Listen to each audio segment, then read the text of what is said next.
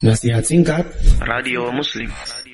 Dibawalah Nabi Sallallahu Alaihi Wasallam oleh Khadijah ke sepupu Khadijah yang sudah sangat tua, Waraqah bin Naufal bin Asad bin Abdul Uzza, anak paman uh, Khadijah, berarti sepupu. Ibnu Ami Khadijah, anak paman Khadijah. Wa kana imra'an tanassar dan dia adalah orang yang memeluk agama Nasrani. Jadi tidak seperti Abu Jahal Abu Lahab tapi memeluk agama Nasrani fil jahiliyah di masa jahiliyah ini.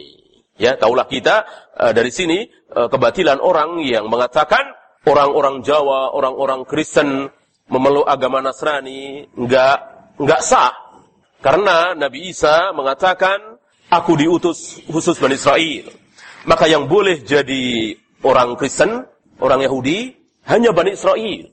Maka orang Jawa masuk Kristen nggak sah Kristennya. Artinya bukan ahli kitab, berarti kita nikah dengan orang Kristen, perempuan Kristen Jawa, nggak boleh. Nah, ini keliru. Salah satu dalilnya ini. Jelas, Warokoh bin Nawfal bukan Bani Israel, tapi memeluk agama Nasrani. Nah, kemudian Adi Murrum, pembesar Romawi, ya Heraklius, jelas bukan Bani Israel. Heraklius bukan Bani Israel, tetapi memeluk agama Nasrani. Dan Nabi tidak berkomentar. Artinya, ya memang mereka ahlul kitab. Wa kana yaktubul kitab al-Ibrani. Uh, Waraqah bin Naufal ini menulis kitab dalam bahasa Ibrani. Salah satu orang yang bisa menulis, bisa membaca. Dan sekali lagi memeluk agama Tauhid, agama Nasrani waktu itu. Tidak sama dengan Abu Jahal Abu Lahab. Fayaktubu minal Injil bil Ibraniyah masya'allahu ayyaktub. Maka Waraqah bin Naufal menulis kalimat-kalimat dari kitab Injil dengan bahasa Ibrani hanya Allah yang tahu apa yang ditulis oleh Warakah. Ya, kan tentu tidak semuanya benar, hanya Allah yang tahu.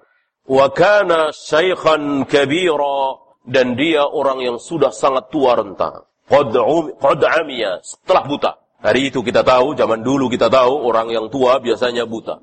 Nabi Yakub buta karena tua, ya Ibnu Katsir buta karena tua, Ibnu Abbas banyak orang yang buta, para ulama buta karena tua. Faqalat lahu Khadijah maka berkatalah Khadijah kepada Waraqah, Ya ibna ammi Isma' min ibni akhik, Wahai anak pamanku, wahai sepupuku, tolong engkau dengarkan apa yang akan diucapkan oleh anak saudaramu ini. Yang dimaksud Nabi Muhammad SAW, yang dimaksud suaminya. Nah, maka mulailah Nabi Muhammad SAW menceritakan apa yang beliau lihat di Gua Hira. Ya, dari awal sampai akhir. Setelah selesai, maka Warokoh langsung berkomentar. Hadan namus. Hadan namus. Ini namus. Kalimat yang diucapkan oleh Warokoh sesuai dengan bahasa Ibrani. Karena yang dibaca oleh Warokoh semua bahasa Ibrani. Bukan bahasa Arab. Namus. Yang dimaksud Jibril. Namus artinya sir, tersembunyi. Artinya ketika Jibril datang, selalu tersembunyi. Nggak ada yang tahu. Hanya Nabi Muhammad SAW yang tahu bahwa itu Jibril. Yang lainnya nggak tahu. Seperti contoh tadi. Aisyah menyangka bahwa itu Dihya al-Kalbi. Nggak tahunya itu Jibril. Ini namus. Alladhi nazzalallahu ala Musa. Sebagaimana yang Allah turunkan kepada Nabi Musa. Lihat. Berarti Warakah alim. Warakah membaca kitab Injil yang masih benar. Walaupun satu dua mungkin ada kesalahan ya membaca kitab uh, Injil yang masih benar, maka uh, Nabi uh, Warakah mengatakan Nazzalallahu ala Musa. Itu yang pernah Allah turunkan kepada Nabi Musa. Ya laitani fiha jada'an.